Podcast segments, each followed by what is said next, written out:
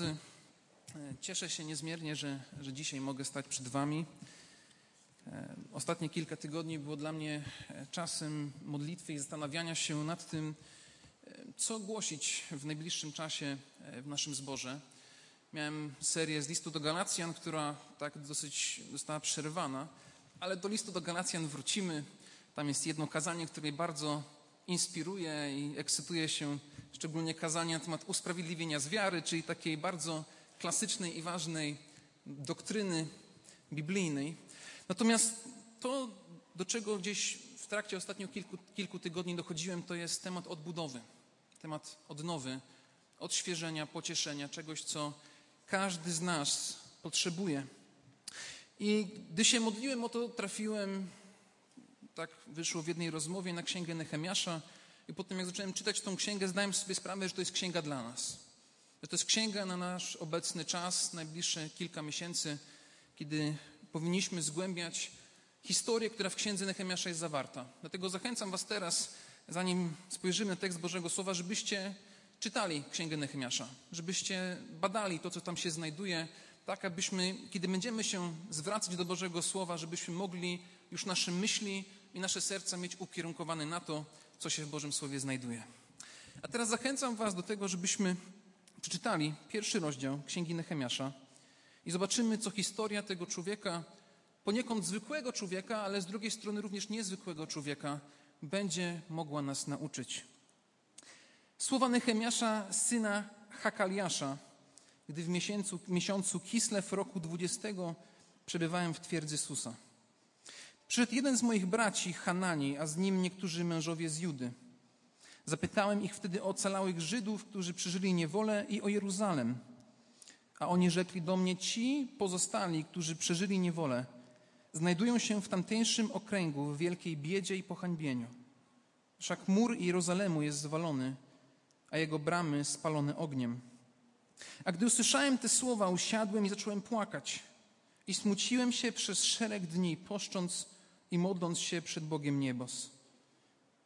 Tymi słowy, ach Panie Boże niebios, który dotrzymuje przymierza i okazuje łaskę tym, co Go miłują i przestrzegają Jego przekazań.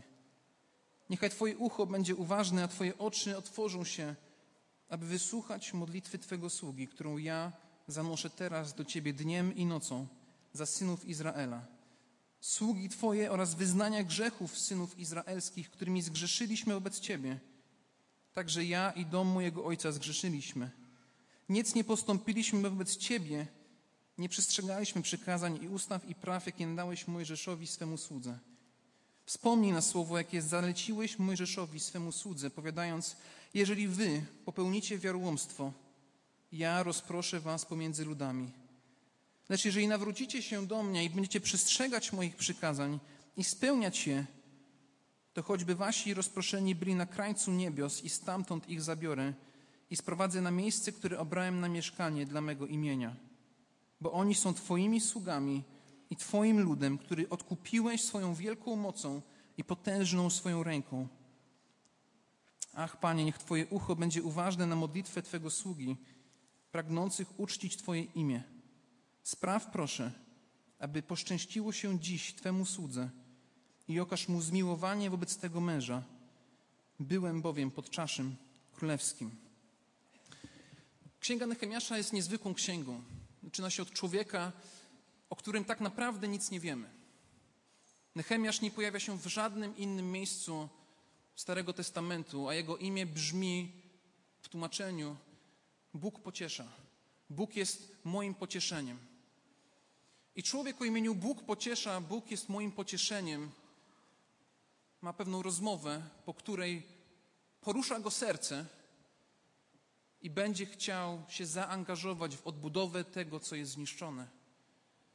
Księga Nehemiasza jest księgą, która mówi o odbudowie murów Jerozolimy, a co za tym idzie, odbudowie Jerozolimy jako miasta, ale równocześnie jest to księga mówiąca o odnowie duchowej ludu Bożego.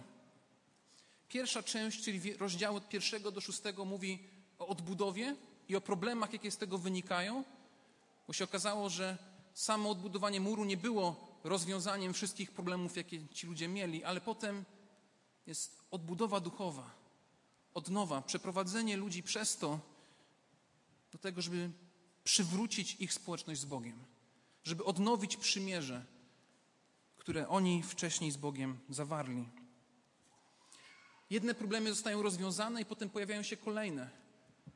Dlatego Księga Nehemiasza często jest uznawana za taką księgę, która jest wzorem przywództwa.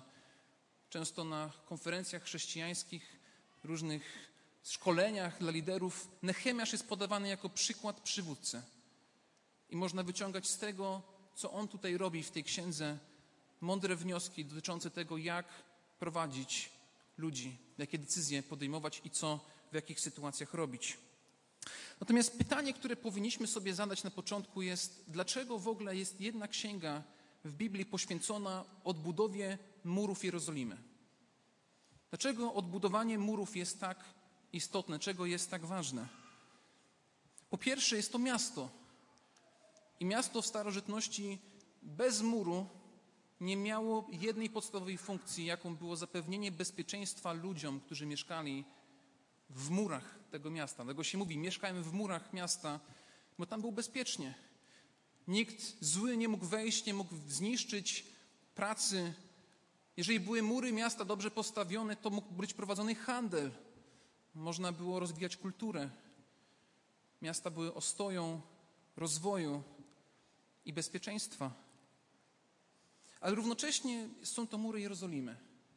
To nie jest zwykłe miasto, o którym tutaj mówimy, jest to miasto, które jest miejscem Bożej obecności, miejscem Bożej świątyni, miejscem, do którego ludzie Boży, lud Boży się schodził, żeby składać ofiary, żeby słuchać Boga, żeby słuchać tego, co On ma do nich do powiedzenia.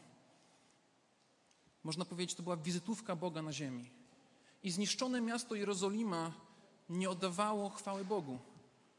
I zobaczymy później, że Nehemiasz się tym bardzo przejmuje, tym, że Boże imię jest zniesławione w tym miejscu. Że Jerozolima, dopóki nie będzie odbudowana, dopóki nie będzie we właściwy sposób stała, nie będzie we właściwy sposób oddawała czci temu, który nad nimi panuje. Myślę, że doskonałym, podobnym przykładem jest to, kiedy jest stolica państwa. I stolica państwa jest wizytówką danego państwa dla innych narodów. Miałem w tym tygodniu okazję pojechać do Wrocławia z moją żoną. Byliśmy na kilka dni.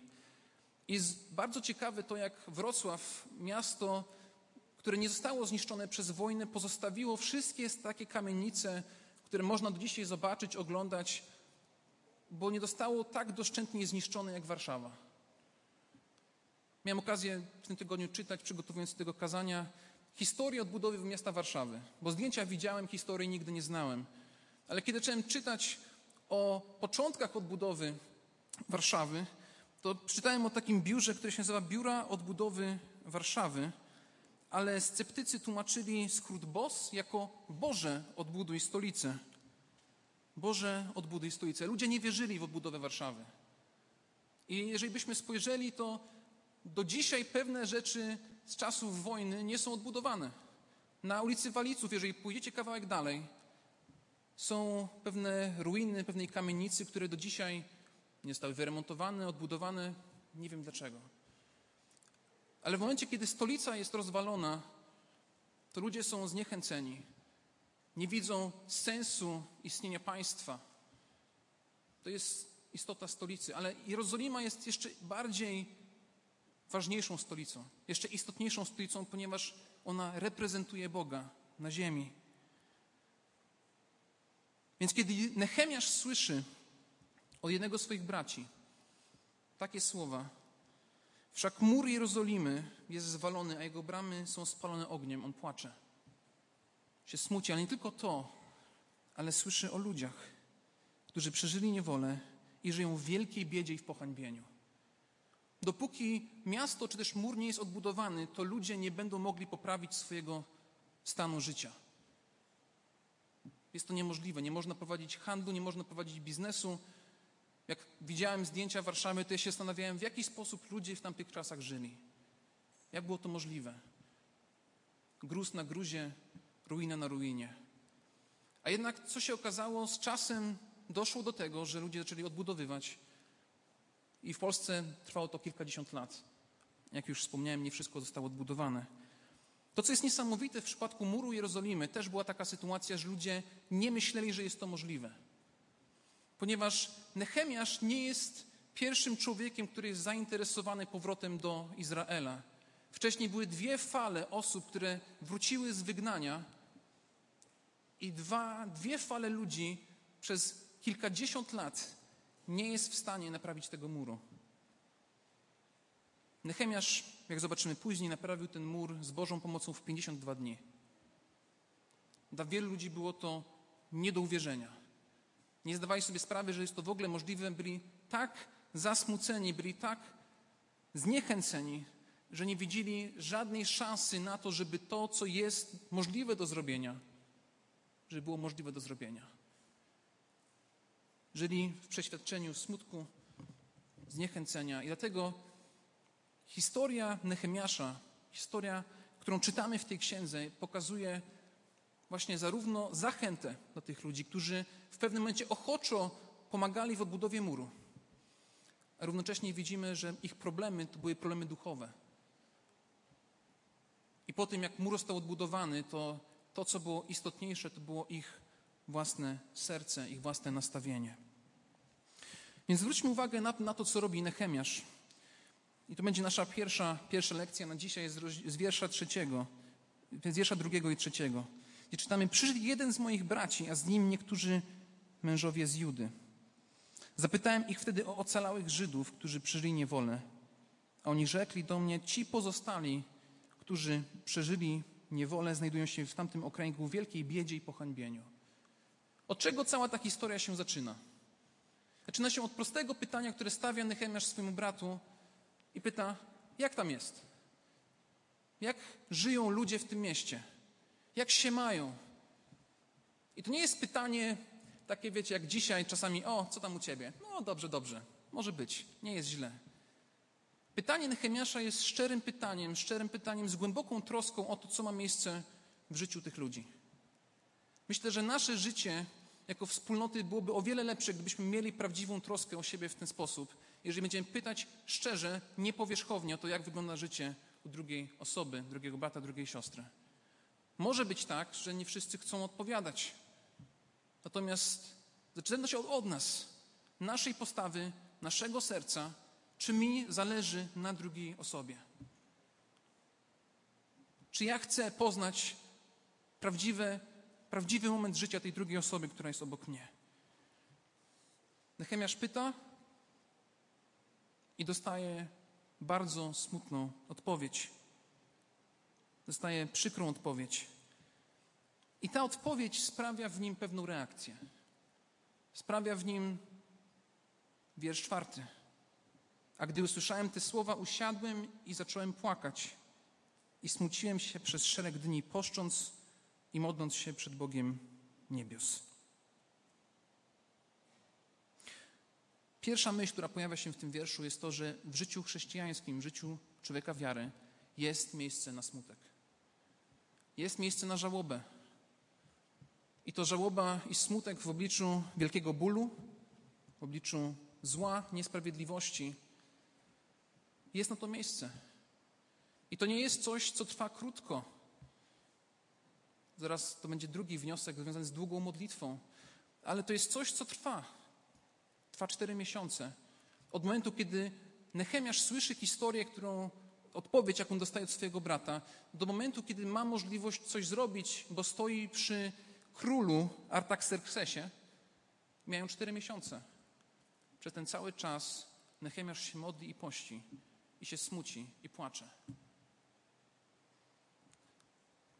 Jedną z rzeczy, z którą ja osobiście mam problem w naszym takim, powiedzmy, szeroko pojętym chrześcijaństwie, jest to, że często, jak się słyszy na różnych konferencjach, przynajmniej młodzieżowych, to się zdarza takie przesłanie, że życie chrześcijańskie zawsze jest radosne.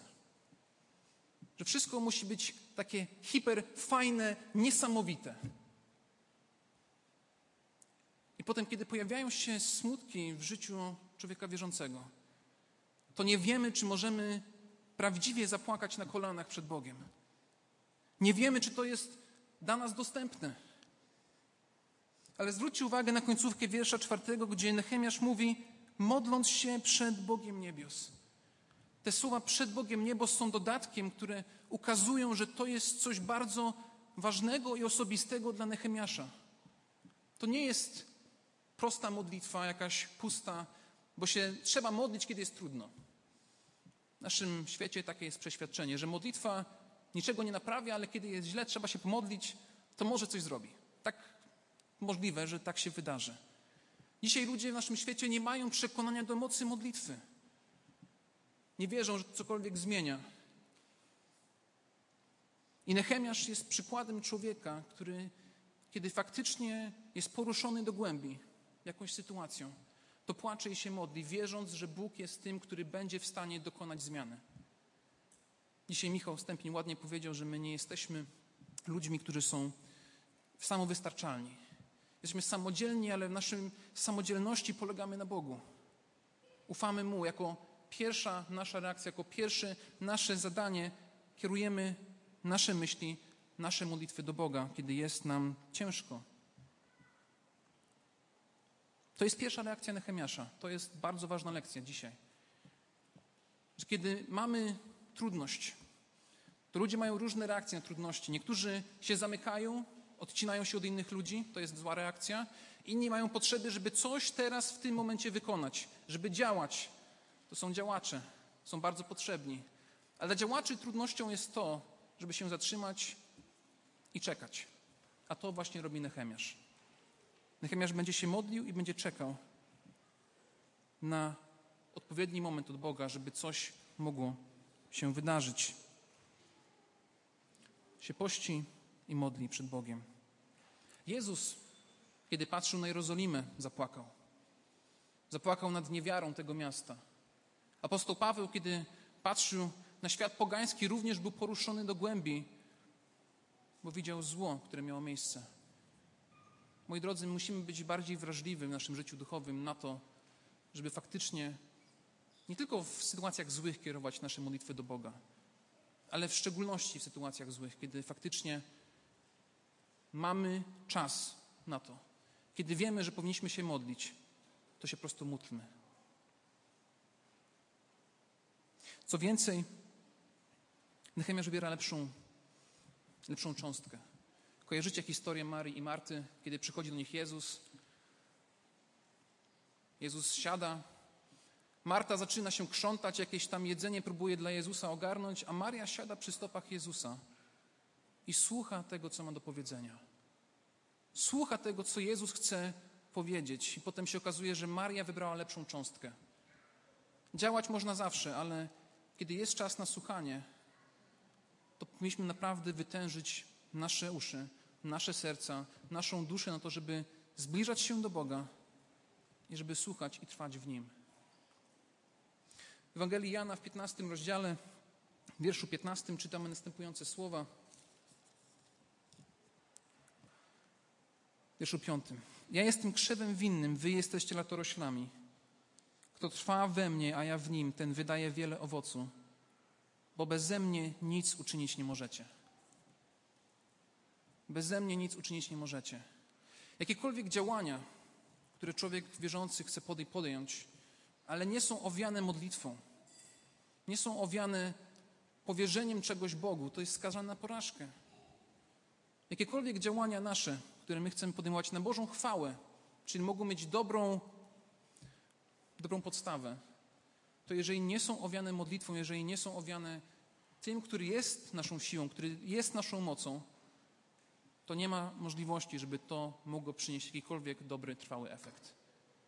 Jeżeli trwamy w Chrystusie, trwamy przy Nim, słuchamy się Go, to jest początek prawdziwej przemiany, to jest początek prawdziwej odnowy duchowej, ale zaczyna się na kolanach. Zaczyna się we własnym domu, w własnej skrytości, kiedy my faktycznie powierzamy coś Bogu. Więc mamy trzy rzeczy. Mamy pierwszą rzecz, to jest czas, jaki zajmuje czasem modlitwa, to jest czekanie na Boga. I myślę, że to jest coś, czego my się musimy uczyć. W XXI wieku uczymy się, żeby wszystko było natychmiastowe. Mamy aplikacje, które potrafią nam ułatwić życie i wszystko jest teraz, teraz Tu, jeżeli muszę poczekać troszkę czasu, to, to ja już tego nie chcę. W takim czasach dzisiaj żyjemy. Natomiast Bóg ma inny czas. U Niego czas płynie czasem trochę inaczej. I musimy się nauczyć czekać na Boga w modlitwie, w tym, co On chce, żebyśmy my mogli dalej robić. Więc pierwsza rzecz to jest czekanie. Dla Nehemiasza to będą cztery miesiące. Druga rzecz, powinniśmy się modlić, szczególnie w tych trudnych czasach. Trzecia rzecz jest taka, że mamy prawo się smucić, mamy prawo to przechodzić przez żałobę i wręcz powinniśmy przez to przechodzić. Ja w moim życiu raz nie przeszedłem żałoby w czasie, kiedy powinienem tę żałobę przejść. I to się odbiło w moim życiu echem trudnym. Rok później tak naprawdę przeżywałem żałobę śmierci mojej mamy i to był trudny czas. Po tej chwili zdaję sobie sprawę, że tak naprawdę żałoba w momencie, kiedy jest smutno, kiedy jest źle, jest potrzebna. My potrzebujemy tego, aby uleczyć to, co jest złamane i również potem dostąpić tego, co Bóg ma dla nas do przekazania. Więc spójrzmy teraz na to, co mówi Nehemiasz w swojej modlitwie. To jest wiersze piąte, od piątego do jedenastego. Nehemiasz zaczyna od takich słów. Panie Boże niebios, Ty jesteś Bogiem wielkim i strasznym. Dzisiaj śpiewaliśmy pieśń, która mówi o wielkości Boga. Nasze modlitwy powinny wskazywać na wielkość Boga, do którego my się zwracamy. To, że Nehemiasz kieruje swoją modlitwę do Boga w taki sposób, pokazuje, że jego Bóg jest potężnym, wspaniałym, mocnym Bogiem, który może rozwiązać jakąkolwiek sytuację, w jakiej Izrael się znajduje. Nasz Bóg nie jest cieniasem. Nie jest cienkim bolkiem, jakimś chłopcem do bicia. W naszym świecie, jeżeli my nie mamy wysokiego spojrzenia na Boga, nie mamy Boga, który jest potężny, Boga, którym czytamy w piśmie, to ludzie spoza kościoła nie będą mieli takiego spojrzenia. Raczej, jak się czyta różne dyskusje, to Bóg zawsze jest słaby.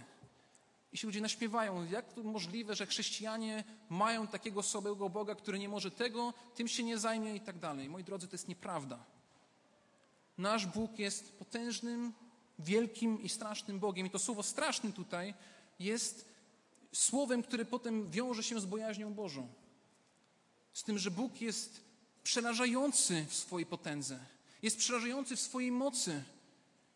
A jednak my mamy prawo przychodzić do Niego przed tronem łaski ze względu na śmierć naszego Pana Jezusa Chrystusa. Mamy potężnego, wspaniałego Boga i równocześnie wskazuje to na to, że my jako ludzie wierzący powinniśmy jako pierwsi żyć w bojaźni Bożej. Nie w strachu, ale bojaźni. Strach sprawia, że my się paraliżujemy, nic nie chcemy wykonywać, ale prawdziwa bojaźń prowadzi do pobożności. Bo rozumie, że ja jestem stworzeniem, ja jestem stworzony przez Boga, On jest moim stwórcą, On ma inne prawa, inny sposób On rządzi. Powinniśmy mieć szacunek do naszego Boga. Powinniśmy patrzeć na Niego jako ten, który jest faktycznie w stanie sprawić o wiele więcej, niż my sobie wyobrażamy. Bo On jest w stanie to zrobić. Dlatego, kiedy wołamy w modlitwie, to nie wołamy tylko tego, że wołamy, ale wołamy, bo wierzymy, że ten Bóg, do którego wołamy, jest w stanie coś tu odmienić. Jest w stanie coś tu zadziałać. Druga rzecz, która się pojawia w modlitwie Nehemiasza, to jest wyznanie winy. Zwróćcie uwagę na drugą część wiersza szóstego. Niech Twoje ucho będzie uważne, Twoje oczy otworzą się, aby wysłuchać modlitwy Twojego sługi, którą ja zanoszę teraz do Ciebie dniem i nocą oraz wyznania grzechów synów izraelskich, których zgrzeszyliśmy wobec Ciebie. Także ja i dom mojego ojca zgrzeszyliśmy. To jest bardzo ciekawe, co tu robi Nehemiasz. On wyznaje winy ludzi, z którymi nie przybywa. On staje jakby w ich obliczu, w ich miejsca, jest ich przedstawicielem. Mówi, Panie, przebacz ich winy. Ale nie tylko ich winy, ale również i moje. Moje własne. To jest modlitwa pokutna. Modlitwa, która zbliża się do Boga jako tego, który jest w stanie nam wszystko przebaczyć. Życie człowieka wierzącego to jest ciągła pokuta. To jest ciągłe upamiętanie. Bez tego nasze życie duchowe będzie martwe i nie będziemy w stanie nic w naszym życiu zrobić duchowo. Powinniśmy pragnąć przychodzić do Boga w sytuacjach, kiedy wyznajemy swoje winy. Natomiast ten obraz Nehemiasza, który staje w obliczu Izraela, jest też pewnym, pewną zapowiedzią Chrystusa. Bo dzisiaj to Chrystus stoi przed Bogiem jako ten, który nas reprezentuje. On jest naszym arcykapłanem, on jest naszym adwokatem przed Bogiem dzisiaj, ponieważ ze względu na Jego ofiarę my możemy do Boga przychodzić. I kiedy patrzymy na Stary Testament, nie patrzymy na Stary Testament wyłącznie jako coś, co kiedyś się wydarzyło, ale jest to część większej Bożej historii dla życia człowieka wierzącego, ale historii świata. Więc to, co ma miejsce w księdze Nehemiasza, ma faktyczne przełożenie na nasze życie również i dzisiaj. Co więcej, Nehemiasz polega mocno na Bożym Słowie i na Jego obietnicach. Zwróćcie uwagę na wiersze siódme i ósme. Nic nie postąpiliśmy wobec Ciebie i nie przestrzegaliśmy przykazań i ustaw i praw, jakie dałeś Mojżeszowi swemu słudze.